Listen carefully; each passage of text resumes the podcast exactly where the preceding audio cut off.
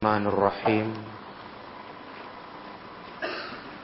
السلام عليكم ورحمة الله وبركاته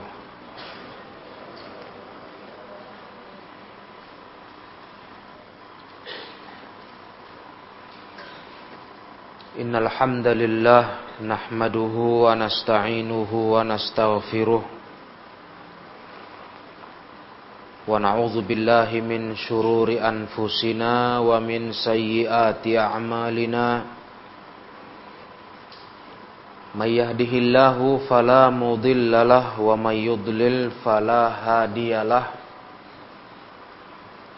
أشهد أن لا إله إلا الله وحده لا شريك له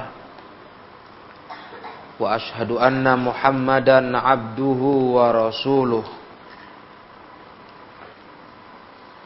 قال الله تعالى في كتابه الكريم يا أيها الذين آمنوا اتقوا الله حق تقاته ولا تموتن إلا وأنتم مسلمون يا أيها الناس اتقوا ربكم الذي خلقكم من نفس واحدة وخلق منها زوجها وبث منهما رجالا كثيرا ونساء واتقوا الله الذي تساءلون به والأرحام إن الله كان عليكم رقيبا يا أيها الذين آمنوا اتقوا الله وقولوا قولا سديدا يصلح لكم أعمالكم ويغفر لكم ذنوبكم ومن يطع الله ورسوله فقد فاز فوزا عظيما فإن أصدق الحديث كتاب الله وخير الهدى هدى رسول الله صلى الله عليه وسلم وشر الأمور محدثاتها فإن كل محدثة بدعة وكل بدعة ضلالة wa kulla dhalalatin finnar. Amma ba'd ikhwani fid din rahimakumullah. Melanjutkan tafsir surah at-taubah.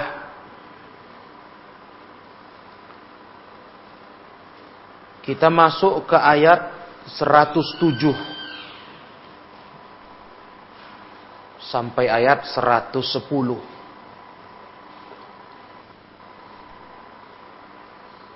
Ternyata masih ada para jemaah yang mulia. Masih ada cerita dan berita dari Allah Subhanahu wa taala tentang keadaan kaum munafikin dengan tingkah-tingkah mereka di kota Madinah.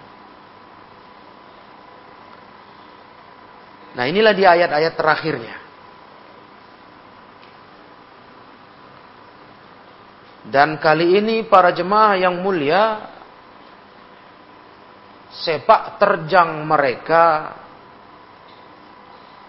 malah berbau kebaikan. Seakan-akan dan itulah pengakuan mereka mereka buat kebaikan. Jadi sungguh menipu sekali. Tipu daya mereka yang akan kita baca di beberapa ayat ini. Jadi kalau ikhwan ingat kajian-kajian ayat-ayat lalu itu kan nampak betul kejahatan mereka terhadap Rasul dan para sahabat. Menggembosi jihad, mem mem mempengaruhi, memprovokasi orang supaya tidak berangkat jihad. Dan banyak lagi yang lainnya yang Rasulullah Shallallahu Alaihi Wasallam diajarkan Allah dalam ayat-ayat di surah At-Taubah ini agar sabar menghadapi tingkah lakunya orang munafikun. Nah, kali ini ma'asyiral ikhwah, para jemaah yang saya muliakan. Allah menceritakan Cara lain munafikun merusuh di kota Madinah. Dengan cara Allah berfirman, "Walladzina attakhadhu masjidam diraran wa kufrau wa tafriqan bainal mu'minin wa irsadan liman haraballaha wa rasulahu min qabl." wala yahlifunna in aradna illal husna. Wallahu yashhadu innahum lakadzibun. Sungguh orang-orang yang mengambil masjid diror mendirikan masjid diror. Terkenal cerita ini para ikhwah dalam sejarah. Bukankah ini sebuah amalan yang zohirnya kebaikan? Bangun masjid. Tapi masjidnya masjid diror. Masjid kufur yang bertujuan tafriqan, memecah belah di antara orang-orang yang beriman dan ditujukan sebagai irsadan liman haraballah wa rasulahu min qabl untuk menunggu mempersiapkan kedatangan orang-orang yang memerangi Allah dan Rasulnya untuk jadi markas mereka. Masjid para jemaah. Bukan aula gedung, tempat pertemuan, masjid.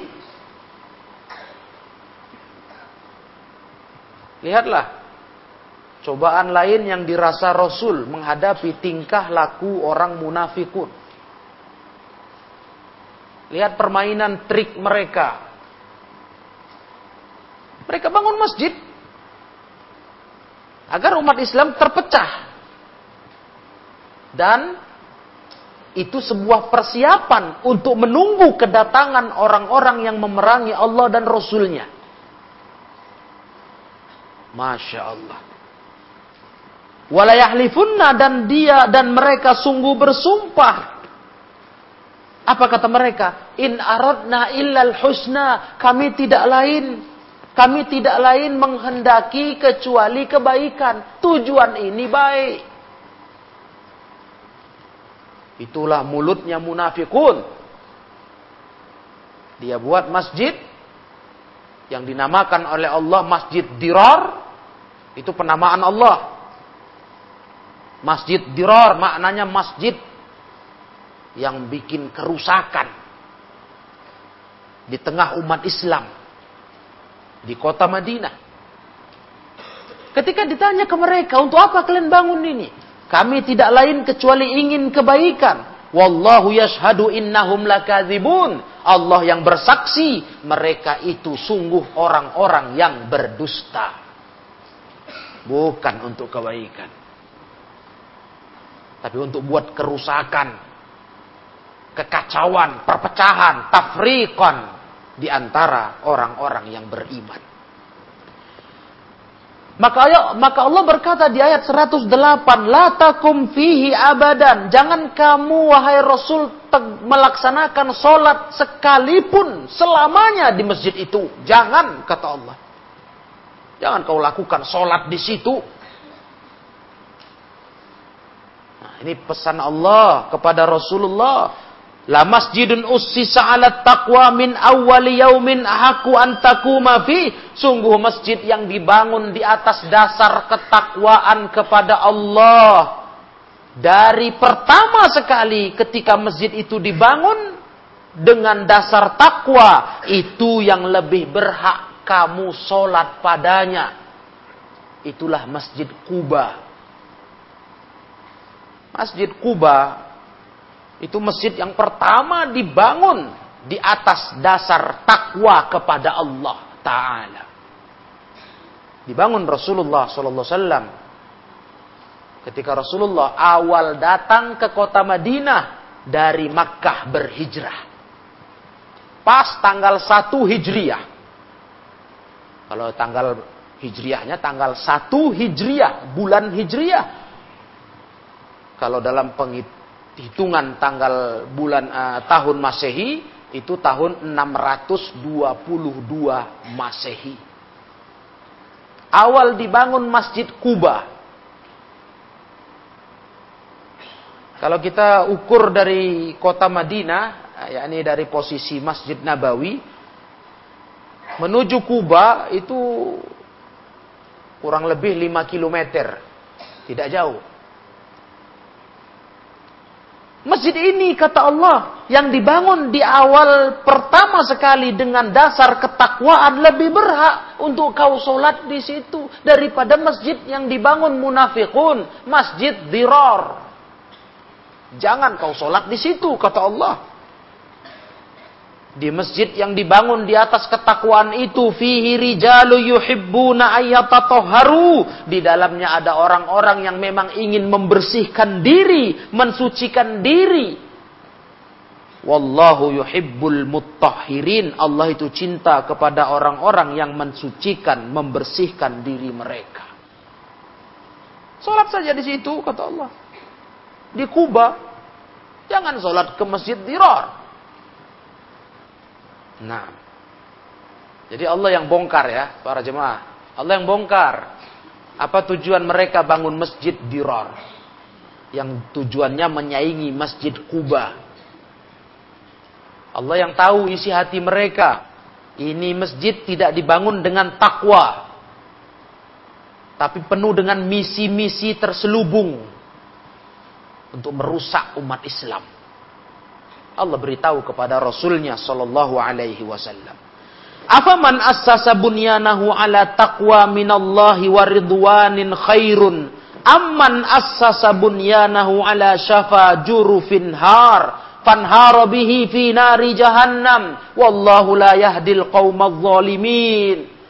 Allah tanya di ayat 109 maka apakah Orang-orang yang membangun bangunan masjid itu di atas takwa dari Allah, di atas keridoan dari Allah itu lebih baik dibanding orang yang membangun bangunan masjidnya di atas syafa jurufin har, di atas atau di tepi jurang yang runtuh. Dan dia pun runtuh fanharo fi nari jahannam. Runtuh ke dalam neraka jahannam. Mana yang lebih baik? Yang membangun masjidnya dengan dasar takwa kepada Allah. Itulah Masjid Kuba yang Rasulullah SAW turut serta membangunnya. Tentu tidak seperti kondisi sekarang, ikhwah. Sekarang kondisi Masjid Kuba luar biasa, besar. Bisa menampung 20 ribu jamaah. Sekarang. Kalau dulu sederhana. Ya, bangunan yang sederhana dengan atap pelepah kurma. Rasul bahu membahu dengan para sahabat Bukankah itu lebih baik daripada yang membangun bangunannya, masjidnya di atas di atas tepi jurang kehancuran yang kemudian rubuh ke dalam neraka jahanam dan Allah tak memberi petunjuk kepada kaum yang zalim. Itulah masjid dirar. Nah, ini ini yang terjadi di Madinah tantangan untuk Rasul Ya, begitu hebatnya mereka buat tipu daya. Seakan-akan mereka bangun masjid. Ini untuk kebaikan masyarakat umat Islam. Rupanya di situ ada tujuan misi-misi jahat yang Allah bongkar. Allah maha tahu. Nah. Kemudian ayat 110. La yazalu bunyanuhumul ladhi banau ribatan fi qulubihim illa antaqatta'a qulubuhum. Wallahu alimun hakim. Bangunan yang mereka dirikan itu senantiasa ya, menjadi penyebab keraguan di hati mereka. Bikin riba, keraguan. Walaupun mereka bangun masjid. Tidak lain para ikhwat yang semua itu bikin hancur. Takut to'akulubuhum. Hancur. Terbelah-belah hati mereka. Nggak bisa disembunyikan. Ya. Nampak itu ikhwat. Karena memang munafikun Orang-orang yang tidak nampak cahaya dalam hidupnya. Hatinya penuh kekafiran. Jadi mereka bangun masjid sekalipun nampak. Kegelisahan itu muncul. Gerak-geriknya nampak. Hati mereka makin hancur. Dan sungguh Allah itu maha tahu. Allah maha berilmu. Allah maha bijaksana. Mereka boleh bersandiwara di depan manusia boleh ber, berubah-ubah bicara, bermanis kata, ya bisa di depan orang banyak kita bersandiwara, pura-pura baik, pura-pura niat bagus, buat perbaikan, buat e, perkembangan yang bagus. Tapi di depan Allah siapa yang bisa sembunyi dari niat busuknya? Allah Maha tahu dan Allah memberitahukan kepada Rasul Shallallahu Alaihi Wasallam akan tingkah laku mereka. Para jemaah yang saya muliakan. Nah ini tantangan yang Allah ceritakan tentang kota Madinah di masa Nabi Shallallahu Alaihi Wasallam hidup. Ya. ya, memang tidak gampang ya, ikhwah. Tidak gampang membawa dakwah. Ada saja. Ada saja halangan, rintangan, tantangan yang terus datang. Menggoncang. Ya ini menggoncang ini. Kasus Masjid Dirar menggoncang. Karena tentunya masjid di hadapan masyarakat Islam. Tempat mulia. Tempat ibadah. Yang dicintai di hati. Bayangkan ya di saat itu dibuatkan masjid lagi menyaingi Kuba sebagai masjid pertama. Coba. Masyarakat Islam kaum muslimin tentu hatinya terbelah. Ya, bisa ke sana, bisa ke sini. Kan sama-sama masjid. Bahkan Rasulullah pun sampai Allah tegur, jangan kau sholat di situ. Ya, kenapa tidak? Logika sehatnya masjid, apa masalahnya sholat di masjid? Ini lain pula ini ya Dibanding ngadapin musuh yang nyata. Dengan segala kejahatannya di depan mata kita. Jelas kita nyikapinya. Ini tidak. Mereka berbajukan orang-orang yang katanya buat kebaikan. Apa salah kami bangun masjid? Apa dosa kami bangun masjid? Kan? Susah kita jawabnya. Payah kita bantahnya kalau bukan Allah yang beritahu. Itu masjid dibangun untuk merusak mecah belah umat Islam dan itu persiapan menunggu kedatangan musuh-musuh Allah dan Rasulnya. Nah, subhanallah. Ini tantangan untuk Rasulullah Sallallahu Alaihi Wasallam. Syekh Sa'di menerangkan tafsir ayat ini. Kata Syekh, Kana unasun minal munafiqin min ahli Kuba ittakhadhu masjidan ila jambi masjid Kuba. Ada manusia-manusia dari kalangan munafikin dari penduduk Kuba. Mereka menjadikan mendirikan satu masjid lagi di sebelah masjid Kuba. Berdekatan ini, ya Mereka dirikan masjid lagi. Yuridu nabihil madarah wal masyaqah bainal mu'minin. Tujuan mereka. Nah, tahunya dari mana? Dari Allah Tujuan mereka mau bikin kerusakan, bikin perpecahan di antara umat Islam. Wah, memang nggak pernah putus lah orang punya sifat kayak gini. Yang memang maunya bikin manusia pecah belah, ribut, terus berusaha untuk itu.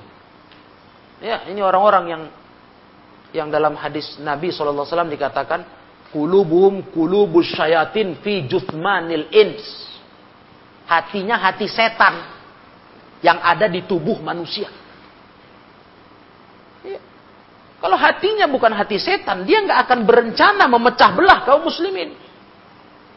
Bikin ribut, bikin kisruh, itu kalau hatinya nggak hati setan. Ini hatinya setan ya kok. Cuma tubuhnya manusia. Fi jusmani ins. Itulah munafikun di masa Nabi sallallahu alaihi wasallam. Wa ya'uddu wa ya'uddunahu liman yarjunahu minal muharibin lillah wa rasuli wa yakunu lahum hus husnan indal ihtiyaji ilaih. Mereka menyiapkannya, masjid itu disiapkan mereka untuk orang-orang yang mereka harapkan mau memerangi Allah dan Rasulnya. Mereka jadikan masjid itu seperti benteng berkumpul. Markas ketika butuh. Bangunnya niatnya itu. Coba, beda masjid Kuba dibangun dengan takwa. Rasul langsung membangunnya. Masjid Diror dibangun dengan misi itu. Itulah asli niatan membangunnya. Cuma di mulut mereka bilang, kami mau buat kebaikan. Apa salahnya ada dua masjid? Awas ya. Ini tantangan dalam dakwah ya begitu. Makanya kita ambil pelajaran lah apa yang Nabi rasakan di kota Madinah dengan ulah munafikun itu dalam kehidupan hari ini. Ya, kita ambil pelajaran agar kita tidak gampang terseret. Ya, terseret, terbawa-bawa terhadap makar orang-orang yang ingin merusak agama. Jangan sampai kita jadi korban-korban mereka. Fabayyana ta'ala khizyahum wa adhara sirrahum. Allah Ta'ala menjelaskan kebusukan mereka. Allah Ta'ala membongkar rahasia mereka dalam membangun masjid itu. Allah berkata, "Walladzina takhadu masjidan dirara ay madaratan lil mu'minina." Orang-orang yang membangun masjid, masjidnya namanya Masjid Dirar dinamakan Allah. Yakni masjid yang tujuan yang bikin madarat bagi orang beriman Ya. Masjid yang mana wali masjidihimul ladzi yajtami'una fihi untuk masjid yang mereka bisa kumpul di situ wa kufron ay qasduhum fihil kufru dan tujuannya mereka kufur kepada Allah. Bukan tujuan baik, bukan mau ibadah biar makin nyaman. Nggak ada. Nah. Istilah kita modusnya saja bangun masjid ya. Bukan maksud baik. Mau bikin rusak umat Islam. Idza qasada ghairuhum ghairuhum al-iman. Kalau tujuannya memang bukan iman, apalagi tujuan mereka kekufuran. Pasti itu ikhwah. Kalau bukan demi keimanan membangun masjid itu tujuannya kekufuran. Bikin rusak itu. Allah beritahukan itu dalam surah At-Taubah ini. Wa tafriqan bainal mu'minin ay liyatasha'abu wa yatafarraqu wa yakhtalifu. Tujuan lain mereka ingin membuat perpecahan agar kaum muslimin, kaum mukminin yatasha'abu, berkelompok-kelompok, yatafarraqu, pecah belah, wa yakhtalifu berselisih, ribut, enggak akur. Digunakanlah sarana masjid biar ada gap antara orang masjid sini, orang masjid situ.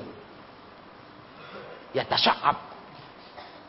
Berkelompok, berpecah, tafarruk, yakhtalifu, berselisih.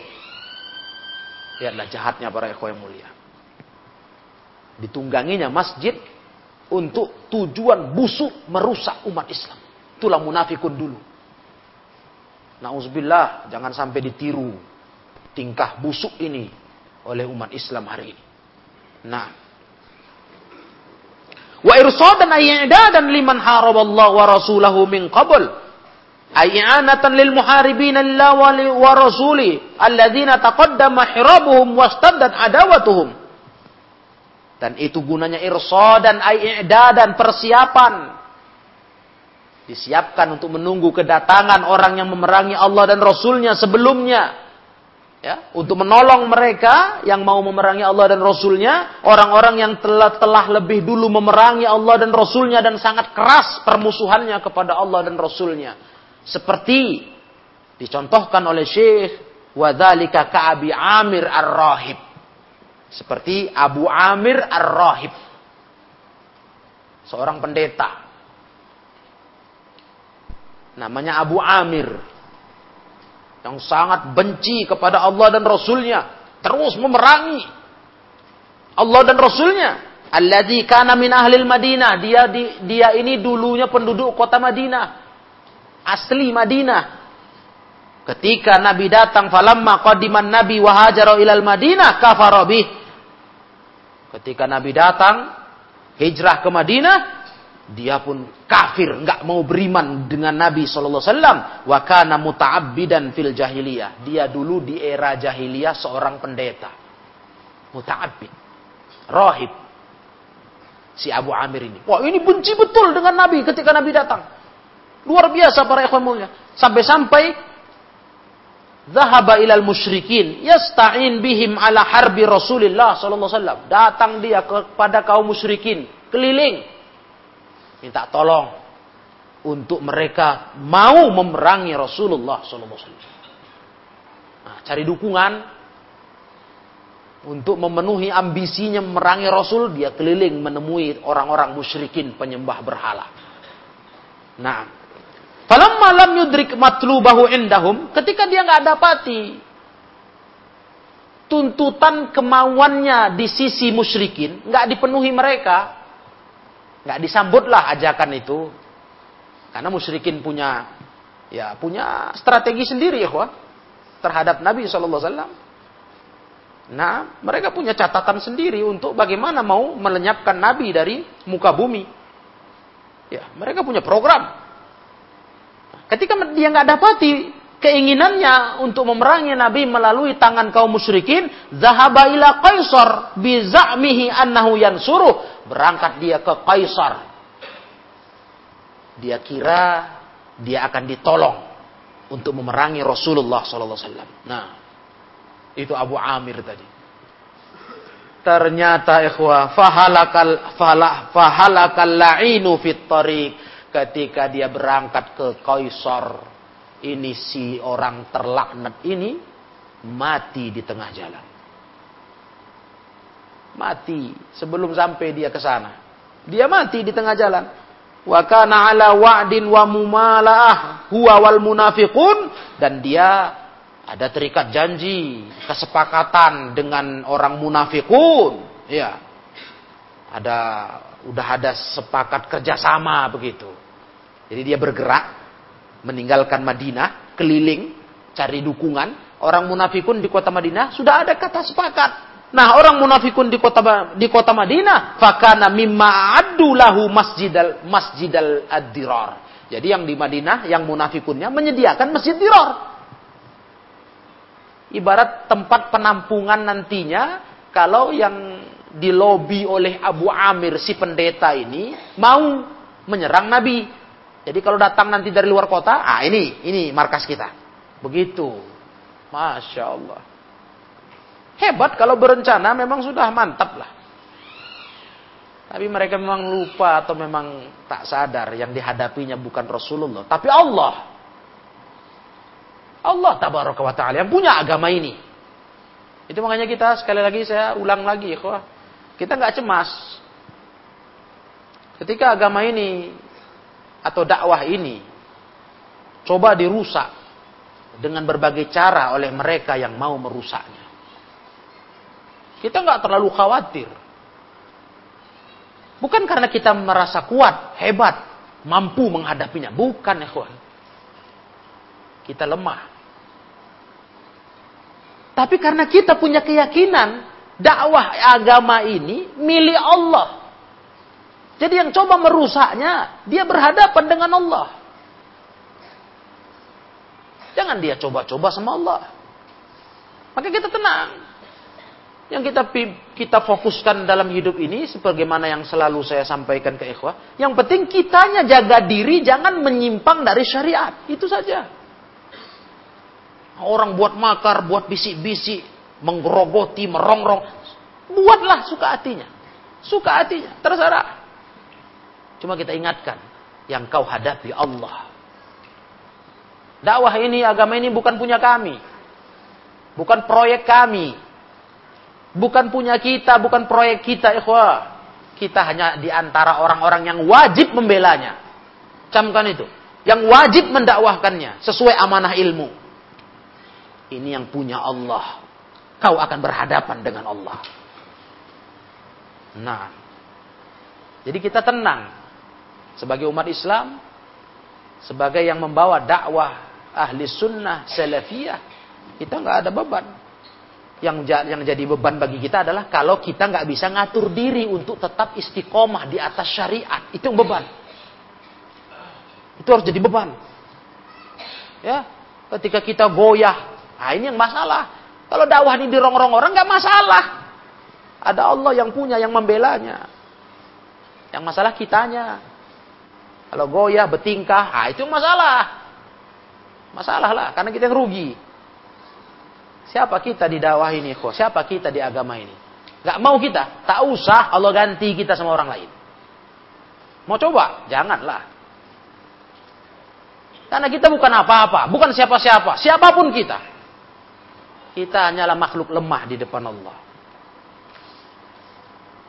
Kalau kita tak mau, Allah ganti. Udah lewat tafsirnya itu dalam pelajaran kita, tafsir yang lalu. Allah ganti kaum lain, nggak kayak kalian, kata Allah. Kalau kalian menyimpang, gampang. Nah, itu yang kita takut, ikhwah. Adapun dakwah ini nanti bagaimana, bagaimana, banyak penggembos, banyak pengrusak. Ah, biar mereka terus jalan, biarkan saja. Nanti dia mereka hadapi Allah. Ya, ini ikhwah, cara fikir yang selalu saya pegang ini. Karena kita tahu, kita lemah. Kita hadapi semua itu dengan kemampuan diri kita. Kita lemah, kita tak sanggup. Ya. Kita punya keterbatasan yang sangat banyak. Sehingga kita nggak mau kita terbebani dengan hal-hal yang memang bukan kapasitas kita. Kita serahkan itu ke Allah. Perusak-perusak agama, perongrong agama. Terus buat makar, berencana, busuk, biarkan. Apa bisa kita buat? Misalnya membantah, kita bantah. Meluruskan, kita luruskan. Perkara mereka kerja lebih teliti, lebih dalam, lebih jeli. Silahkan. Yang pasti Allah yang punya agama nggak membiarkan orang melenyapkan Islam ini. Dengar ya, tak akan membiarkan melenyapkan jalan dakwah yang benar ini.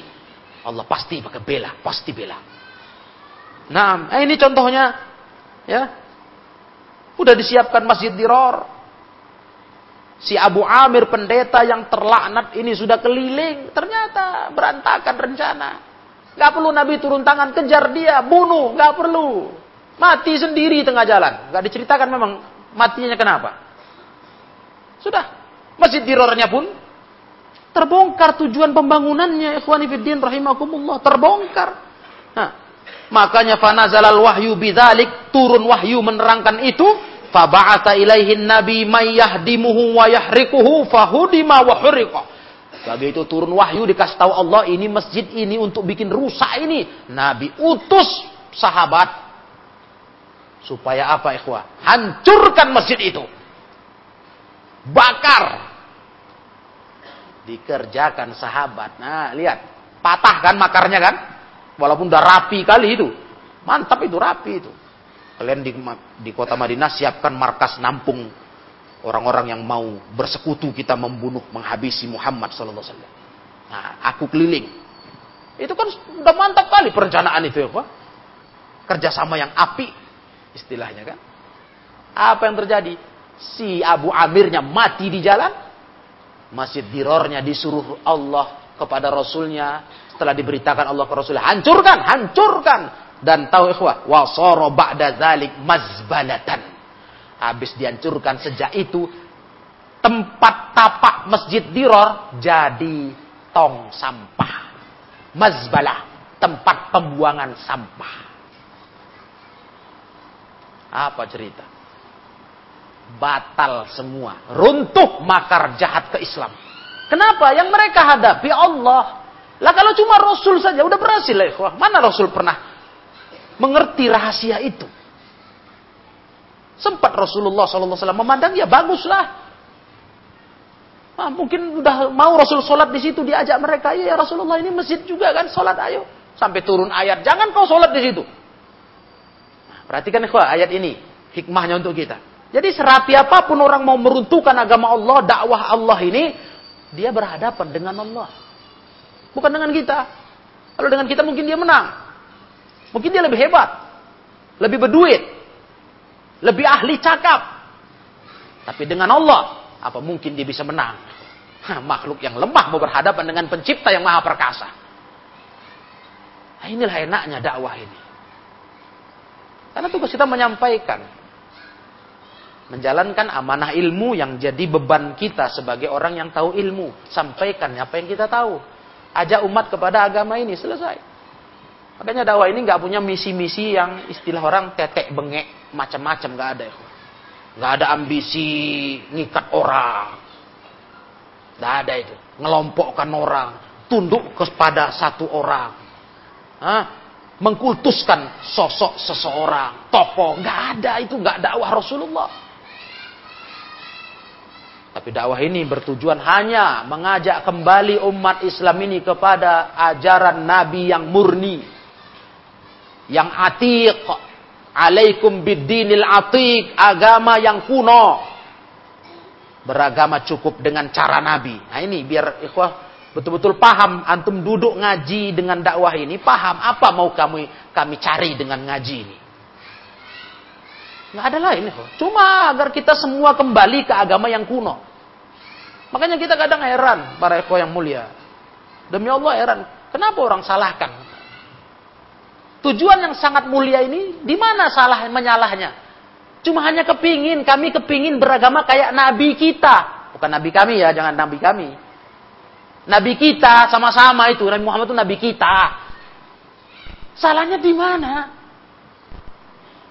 Bukankah agama ini memang beliau yang punya wewenang penyampaiannya? Kecuali tadi dunia, kami ajak masyarakat, ayo ber, berdunia kayak Nabi. Bolehlah kita dimarahi. Dibilang, ini orang-orang gak bener ini. Nyusahkan diri. Picik. Iyalah. Kalau kami ajak kalian, ayo kayak, kayak Nabi kita berdunia. Rumah tetap pelepak kurma. Betul. Berlantaikan masjidnya pasir-pasir saja. Dari tiang-tiang kurma. Wah malam. Pening bangun gitu. Wah, di mana nyarinya? Hah? Berkendaraan tidak bisa pakai kendaraan mesin. Pakai unta. Bagaimana, mak? Lebih mahal daripada punya mobil miara unta di Indonesia ini. Enggak itu yang kami ajak masyarakat ini. Tapi kami ajak kembali kepada Nabi dalam beribadah. Di mana salahnya? Memang Nabi lah yang diutus Allah untuk mengajarkan agama. Jadi ikut terangkan ini ke masyarakat. Di manalah kalian menganggap salahnya jalan dakwah ini? Di mana ekstrimnya? Lah cuma ngajak manusia mencukupkan kayak Nabi beribadah kok salah. Karena memang itu wewenang Nabi. Kita nggak mau melampaui wewenangnya. Laukana khairan la sabakuna ilai. Itu kaidah kita. Kalau andai kata baik satu amalan yang kata orang sekarang baik, mungkin ada orang bilang kan baik, kan baik. Terus kita nggak mau, kita bilang nggak ada yang baik kalau itu nggak dari Nabi. Logikanya, ikhwah, kalau itu baik, lebih dululah mereka, Nabi dan sahabat mengerjakannya. Itu logika sehat nggak? Karena agama ini turun ke Nabi, diajarkan pertama kepada sahabat Nabi. Mereka yang paling tahu agama, paling cinta untuk cerita kebaikan. Kan enak cara pikir begitu. Di mana salahnya? Kenapa kok sepertinya gerem kali dengan dakwah ini banyak orang nggak suka kali. Hmm. Padahal yang kita mau kan hanya satu. Mari beragama dengan cara Nabi. Cukupkan yang dibuat Nabi. Logikanya kalau ada yang baik, Nabi nggak buat. Kok bisa? Duluanlah Nabi ngerjakan yang baik. Kita kalau nggak Nabi diutus ya para jemaah. Kita mana tahu mana baik, mana buruk. Mana tahu kita. Kalau nggak ada agama Islam ini. Berarti kita masih di era jahiliyah. Bukankah begitu? Sebelum Islam datang kan zamannya zaman jahiliyah. Oh, zaman jahiliyah. Ampunlah sudah. Mengerikan. Jadi kita baru tahu mana baik mana buruk karena ketika Nabi diutus. Itulah guru kita. Maka dakwah ini, sadari itu. Nggak ada tujuan lain. Tujuan kita hanya satu mengajak kita diri sendiri dan pak kaum muslimin yang mau diajak, mau mendengar ajakan, ayo kita kembali beragama kayak Nabi. Cukupkan dengan cara ibadah Nabi. Nah, itu aja. Dan itu sangat sederhana, mestinya sangat menyenangkan karena istilah orang kerja sedikit gaji besar. Sebetulnya menyenangkan lah sunnah ini kok. Daripada bid'ah kan lebih nambah-nambahi namanya bid'ah. Mau hasanah kayak kata orang, kan nambah-nambah itu kan. Banyak kerjaan. Iyalah, kerjaan pokok ditambah-tambah lagi. Tapi yang tambahannya tak bergaji. Kok yang bodoh lah jadi manusia. Kita kalau bisa kerjanya makin sedikit, gaji makin besar kalau bisa. Bukan kerjanya segunung, gajinya secuil. Ya kalau bergaji. Kalau nggak bergaji, malah bikin marah Allah karena sok lebih pintar dari Rasulullah dan sahabatnya, apalagi apalagi untungnya. Ini bikin pintar kita sunnah ini ya, Bikin cerdas kita berpikir. Ya, jadi alhamdulillah tafsir ayat ini mengajak ikhwah yang saya muliakan makin mengenal hakikat dakwah salaf. Ya. Dakwah ini hanya inilah yang ditujukan dengan menyerukannya. Tidak ada lain. Tidak ada pengkelompokan, nggak ada uh, meng, meng, menggrup-grupkan manusia, mengkultuskan tokoh, menjadikan ada sosok yang dianggap jadi tetua, nggak ada itu. Tidak ada. Target kita hanya untuk itu, menyampaikan agama ini apa adanya kepada umat manusia, memurnikan kembali ajaran Islam. Nah, akhirnya setelah dihancurkan masjid itu sudah jadi tempat sampah. Mazbalah. Betul-betul dihinakan masjid itu setelah dihancurkan Nabi dan sahabat. Qala Allah Ta'ala ba'dama bayyana min maqasidihim al-fasidah fi dzalikal masjid Allah Ta'ala berfirman setelah Allah menjelaskan maksud mereka yang rusak membangun masjid itu. Allah berkata, وَلَيَحْلِفُنَّ in aradna fi bina'iha iya illal husna ail ihsan ila da'if wal ajis wad darir. Mereka berani buat cerita bohong. Apa kata mereka? Kami tidak lain meniatkan membangun masjid itu kecuali kebaikan. Kebaikan yang bagaimana? Buat baik kepada orang lemah. Ya kan Masya Allah kan kalau ada dua masjid. Orang yang mau ke masjid Kuba dari sisi sana kan bisa dekat datang ke masjid yang kami bangun. Nolong orang lemah. Orang ajis. Orang yang badannya nggak sehat. Kan sudah ke masjid juga dia kan ke Kuba mungkin agak jauh. Ah, kalau ke masjid kami kan mungkin lebih dekat. Dan orang dorir, orang buta. Nah, kan Masya Allah kan. Kan gak ada salahnya. Intinya kan masyarakat ke masjid kan. Nah, begitulah mereka. Pak. Pintarnya. Buat kedustaan. Nah, Wallahu yashhadu innahum lakadzibun. Tapi Allah yang bersaksi mereka itu dusta semua omongannya. Karena Allah gak bisa dibohongi. Apa isi hati terkecil di dada kita yang paling tersembunyi Allah tahu. Allah yang bersaksi mereka dusta. Fasyahadatullah alaihim asdaku min halfih min halfihim. Persaksian Allah atas mereka itu lebih benar daripada sumpah mereka. Mereka bersumpah tadi. Mereka buat baik. Tapi persaksian Allah lebih benar dari sumpah mereka. Sumpah mereka dusta. Nah. La takum fihi abada. Maka Allah berkata ke nabinya. Jangan pernah kau sholat di situ selamanya. Jangan pernah. Ha?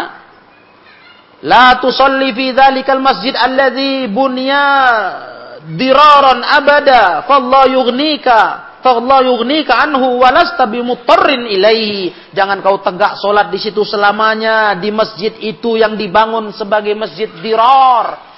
Bikin rusak Jangan pernah kau sholat di situ. Kata Allah, Allah mencukupkan kamu. Allah nggak memberikan dan tidak ada kepentingan mendesakmu untuk ke situ.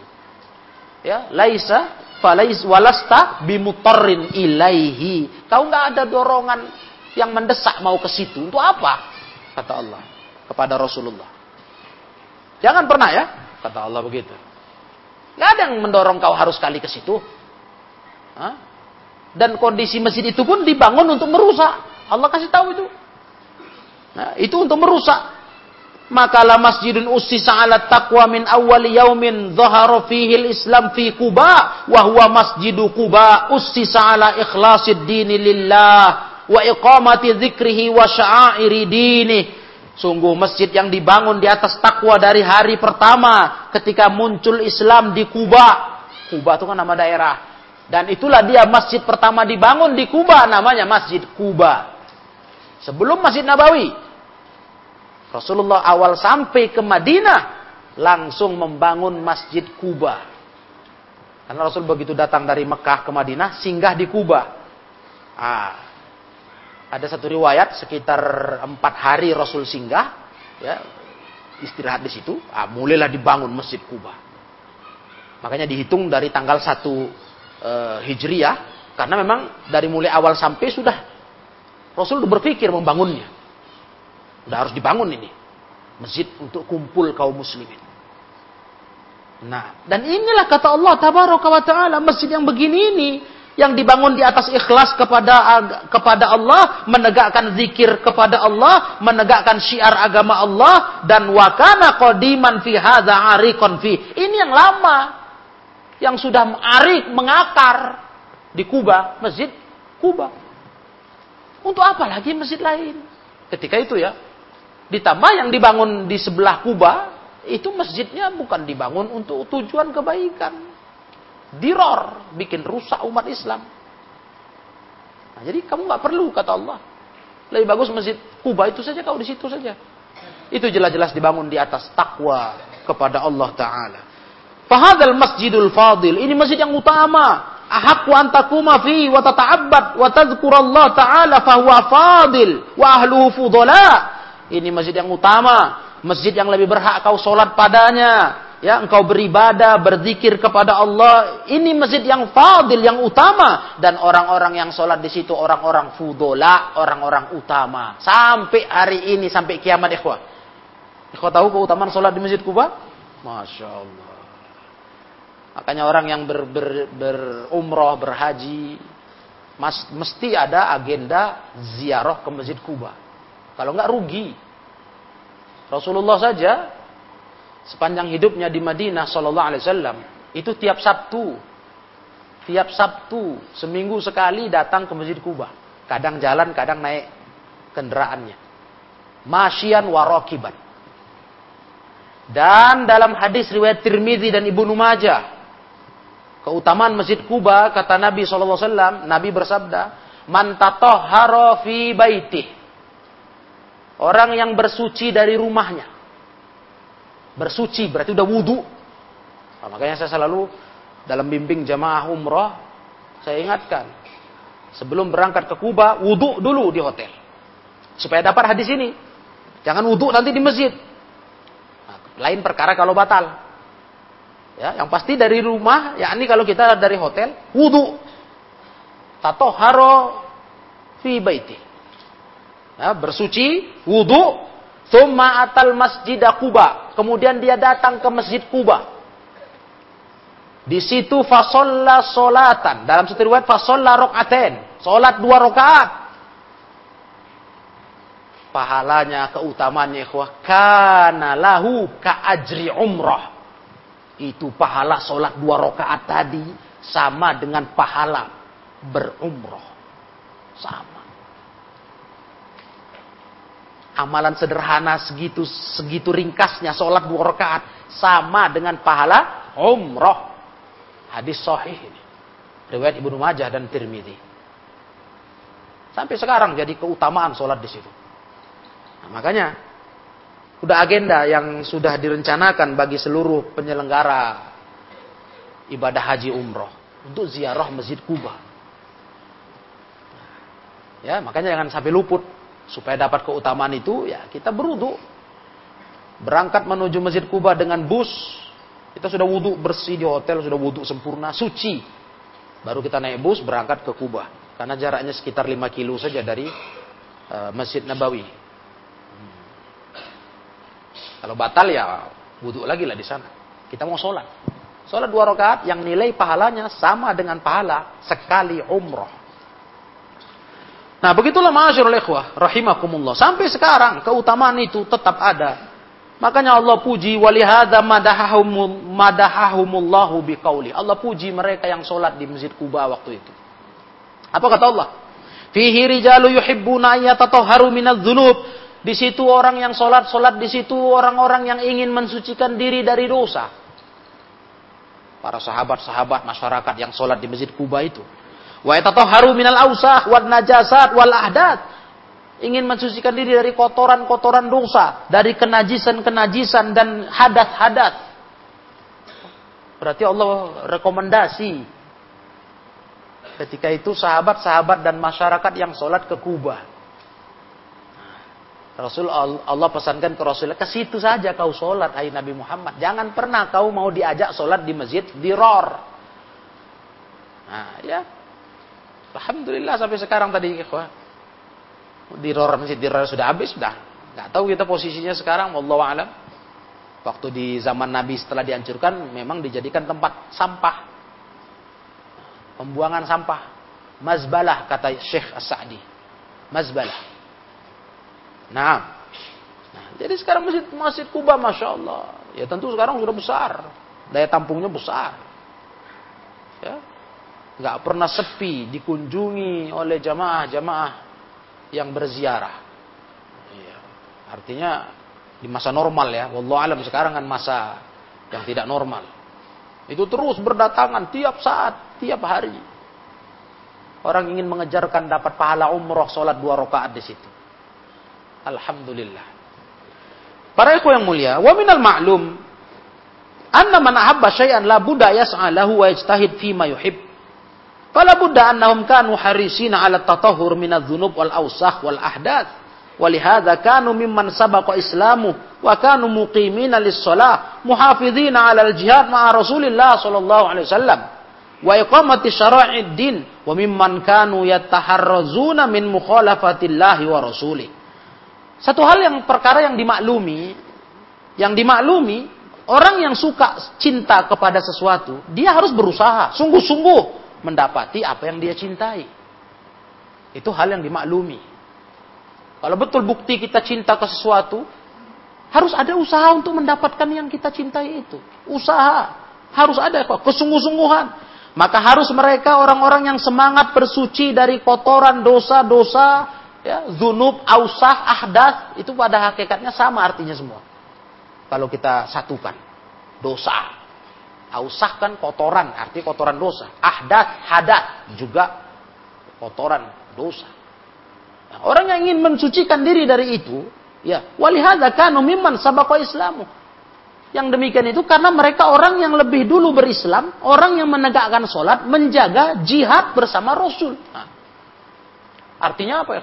Bukan hanya orang yang berharap kami ingin suci dari dosa. Tapi nggak ada tindak lanjut dalam amalan. Jangan hanya besar di niat, di mulut. Nah, kalau betul kita ikhwat cerita mau surga, kan itu kalau kita sekarang. Mau surga, mau diridho Allah hidup ini, mau dikasih ketenangan. Suka itu, senang, kepingin itu. Mana usahanya? Mana perbuatan nyatanya? Coba tanya diri masing-masing. Harusnya nampak. Kayak para sahabat itu. Mereka tegakkan. Karena mereka orang yang mau bersuci diri dari dosa-dosa mereka yang lampau. Di masa jahiliyah banyak banyak salah. Mereka sungguh betul-betul menegakkan sholat berjihad bersama Rasul, menegakkan syariat agama, dan menjaga diri dari penyimpangan terhadap Allah dan Rasulnya. Betul-betul. Makanya mereka generasi terbaik umat ini, sahabat. Totalitas, kalau betul-betul mau surga Allah, mau ridho Allah, ya mau suci dari dosa itu total. Nah, makanya kita coba ingatkan diri kita, ikhwah, sadar-sadarkan diri kita. Beragama ini nggak bisa main setengah-setengah. Walaupun memang kita pun sadar nggak bisa spontanitas langsung sempurna nggak bisa. Tapi berusahanya nampak lah. Ada langkah-langkah perubahannya terlihat gitu. Jangan main setengah tanggung-tanggung. Ah udah cukup aku segini saja. Ya, tidak usah lebih dalam lagi. Nggak bisa. Karena kita orang-orang yang punya niatan yang sangat mulia. Ingin menggapai ridho Allah. Menggapai surga Allah. Nah, maka kita mendapatkan itu ya totalitas. Kita tunjukkan kepada Allah. Makanya kita nggak usah pusingkan manusia, orang-orang banyak. Nggak kita targetkan pandangan mereka, pujian mereka. Enggak. Kita hanya cari Allah. Ridhonya. Kita hanya takuti marahnya. Tidak usah ya hidup ini ditipu dengan ajakan-ajakan untuk dinilai manusia dalam berbuat kebaikan. Dipuji, disanjung, dihormati, Hah? disegani. Apa itu? Kita duakan niat kita yang mestinya untuk Allah beribadah. Kita berikan cari itu ke manusia. Gak ada gunanya itu. Menghancurkan kita itu. Makanya prinsip dasar beragama ini itu Bagaimana Allah ridho? Apa jalan cari ridho Allah? Itu aja tekuni. Gak usah kali banyak kali apa kata orang mereka banyak cincong. Maaf ya Pak. Itu bahasa akrab kita lah. Banyak cincong kau kata orang. Banyak cakap kali. Gak usah. Sekarang fokuskan aja. Target kita mau punya bekal banyak menghadap Allah. Bagaimana caranya? Jalan beragama ini diridho Allah. Bagaimana caranya? Itu aja tekuni. Nanti pas tiba ajal datang, bahagia kita, nggak nyesal. Nah, itu aja coba, cobalah jalani. Nah, apa yang bisa kita buat untuk mendapatkan banyak bekal menuju mati, menggapai ridho Allah? Jalani terus. Jaga. Jalan syariat ini jangan menyimpang kita. Jaga. Sudah selesai. Nyaman. Hidup nyaman. Hasilnya pun nanti menyenangkan. Ya, karena banyak sekali ya penggoda-penggoda kita untuk lepas dari jalur yang benar ini. Banyak kali kesibukan yang ditawarkan syaitan di benak kita untuk membuyarkan konsentrasi kita. Kalau kita nggak kenal pola hidup, nggak ngerti apa mau dijalani, ya nanti bakalan bingung-bingung sendiri. Habis-habis umur nggak guna. Nah, sekarang itu aja lah ya, cobalah tekuni. Bagaimana menjadikan diri sebagai manusia yang betul-betul bertakwa kepada Allah tabaraka wa taala, yang diridho Allah tabaraka wa taala. Kita jalani. Nah, Ikhwan fillah rahimakumullah. Wasalahumun Nabi sallallahu alaihi ba'da ma nuzilat hadhil ayah fi madhihim an taharatihim. Fa akhbaruhu annahum yattabi'una al-hijaratal ma' fahamidahum ala sani'ihim. Nabi pernah bertanya ke mereka, setelah turun ayat ini tentang pujian ke mereka atas bersucinya mereka dari hadas kotoran. Ya, kalau dipisahkan tadi hadas itu kotoran, ausah. Kalau zunub dari dosa. Nah, bagaimana kok bisa dipuji mereka sama Allah orang yang suka bersuci masuk masjid Kuba? Bagaimana? Apa yang kalian buat? Rasul tanya. Mereka mengkabarkan kepada Rasul, oh kami ya Rasul, kalau bersuci, berbuang hajat, pakai batu, itu kami susul pakai air. Padahal batu aja cukup kan dalam ilmu bertoharoh, ilmu toharoh ya yang sudah kita lewatkan lama di kitab uh, Bulughul Maram, bahkan di kitab Mulakhasul Fiqhi, udah lama. Bersuci itu bisa dengan air, bisa dengan batu. Harus pakai tiga batu untuk cebok. Nah, rupanya sahabat-sahabat nih habis pakai batu ditambah lagi pakai air. Oh, begitu. Maka Nabi memuji mereka atas perbuatan itu. Hamidahum ala soni'ihim. Memang betul-betul orang yang kepingin bersih. Sahabat-sahabat. Suci. Baik dari dosa-dosa maupun dari kotoran-kotoran najis. Hadat. Subhanallah. Jadi ketika turunan itu Nabi bertanya-tanya. Apalah yang dibuat sahabat-sahabatku sampai dipuji Allah kayak gitu kali dengan ayatnya. Kalian gimana kalian ini? Bersuci bagaimana kok Allah bilang orang yang suka bersuci kalian? Rupanya itu. Ketika mereka bersuci berhadas uh, cebok dengan batu, ditambah pakai air. Iya. Karena memang air agak payah, susah. Maka pakai batu cukup tiga batu, itu mensucikan. Mensucikan itu ya, dalam Islam. Nggak boleh kurang dari tiga batu. Nah, rupanya mereka berusaha juga cari air. Betul-betul ingin lebih bersih, suci. Ah, ini yang Nabi puji mereka atas perbuatan mereka, masya Allah. Wah, luar biasa ya, para sahabat Nabi luar biasa. Makanya kita ya, betul-betul tahu diri lah kalau cerita sahabat itu. Yang kita ceritakan generasi yang teramat mulia. Enggak kelas kita, jauh kalau Kita entah di mana-mana mereka. Orang-orang yang sudah mengabdikan dirinya untuk agama. Habis untuk agama ini. Hidupnya. Mengorbankan kebahagiaannya demi agama Allah. Ya, orang-orang yang betul-betul berubah total dengan Islam. Makanya ahli sunnah bicaranya nggak pernah buruk tentang sahabat. Itulah ahli sunnah. Beda dengan kelompok-kelompok bid'ah yang bicaranya kotor,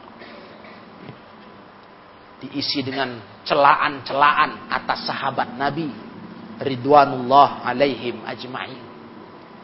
Ayat ini salah satu bukti pujian Allah ke sahabat. Siapa rijalun yuhibbuna ayyatatoharu siapa? Yang ayat bilang orang-orang yang suka cinta bersuci. Ya sahabat lah. Siapa lagi orang waktu itu? Hah? Ini salah satu dalil keutamaan sahabat yang dipuji Allah ketika kasus Masjid Dirar.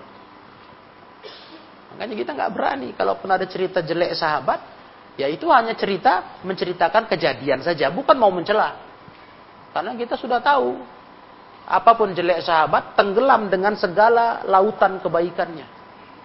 Ibarat kotoran sebusuk apa pun para ikhwah yang mulia, sebanyak apa pun kalau dilemparkan ke tengah lautan, nggak ada pengaruhnya. Tenggelam. Nah, nggak ada efeknya. Nah, nggak ngerubah apa pun di tengah lautan itu. Kotoran sebusuk apa pun. Karena luasnya lautan. Begitulah sahabat. Kesalahan tetap kesalahan. Kita bicarakan, kita baca riwayatnya. Mereka pernah begini, begini, ada riwayat begini, begini. Nah, seperti yang dipelajari dalam kajian santri tentang bagaimana Nabi Wasallam pernah mengilah satu bulan penuh seluruh istri karena istrinya semua menuntut dunia kepada Nabi sebuah perbuatan tercela tapi bukan maksud mencela istri itu cerita karena setelah itu Allah angkat derajat mereka setelah disuruh Allah pilih kepada Rasulnya tanya ke istrimu itu kalian pilih siapa Allah dan Rasulnya dan hari akhir atau mau dunia mau mana kalian kukasih Mau dunia kalian? Aku kasih. Nih, ini yang aku punya. Dah, habis itu cari kalian. Kalau kalian mau Allah dan Rasulnya beruntung kalian. Allah sediakan bagi kalian surga. Ah, rupanya para istri Nabi semua milih Allah dan Rasulnya dan rumah akhirat. Jadi bukan kita celah, kita cerita itu. Itu cerita kejadian. Ya, contohnya apa? Kejadian saja. Bukan maksudnya mau merendahkan istri Nabi itu. Jelek kali istri Nabi itu tingkahnya. Macam perempuan mama sekarang juga katanya otak dunia juga katanya. Loh, sebentar jangan cakap asal-asalan. Kalau masalah fitrah wanita, ya dari dulu semua wanita sama. Cuma bedanya ini yang kita ceritakan. Istri Nabi, ibu-ibu kita, ummahatul mu'minin. Kan gitu. Ya, ini contohnya untuk ikhwah. Makanya kita nggak bukan maksud menceritakan itu mau memojokkan mereka. Bukan, hanya cerita fakta sejarah. Pernah begini, turun ayat ini. Nah, Kemudian barulah Allah kasih pilihan dan rupanya hikmah dari kejadian itu ingin lebih mengangkat tinggi derajat istri Nabi. Ternyata mereka sosok-sosok istri yang lebih milih Allah dan Rasulnya dan rumah akhirat. Nah, ya, jadi ini wah. Maka para sahabat luar biasa dipuji Allah sedemikian rupa ya sebagai orang-orang yang utama, orang-orang yang utama mereka. Nah, orang-orang yang sholat di Masjid Kuba yang cinta akan kesucian diri dari dosa dan segala kotoran-kotoran hadat di tubuh mereka. Ya, begitulah ma'asyiral ikhwah yang dirahmati Allah tabaraka wa taala. Hmm. Uh, insyaallah lanjutan dari tafsir ini kita akan baca di pertemuan yang akan datang. Karena ayat ini panjang, ada tiga ayat yang akan kita baca tafsirnya, namun kita menundakan lanjutannya insya Allah di kajian yang akan datang. Biiznillah. Mudah-mudahan semakin jelas bagi kita keutamaan Masjid Kuba dan bahayanya makar munafikun mereka gunakan segala cara sampai kepada cara yang terkesannya bagus, yaitu bangun masjid. Yang kemudian Allah menamakan masjid mereka dengan nama Masjid Diror. Itu penamaan Allah di Quran. Masjid Diror. Nah, wallahu alam bisawab. Demikianlah para ikhwah. Untuk kajian malam hari ini saya cukupkan. Semoga bermanfaat. Wallahu alam bisawab. Wa akhiru da'wana anil hamdulillahi rabbil alamin.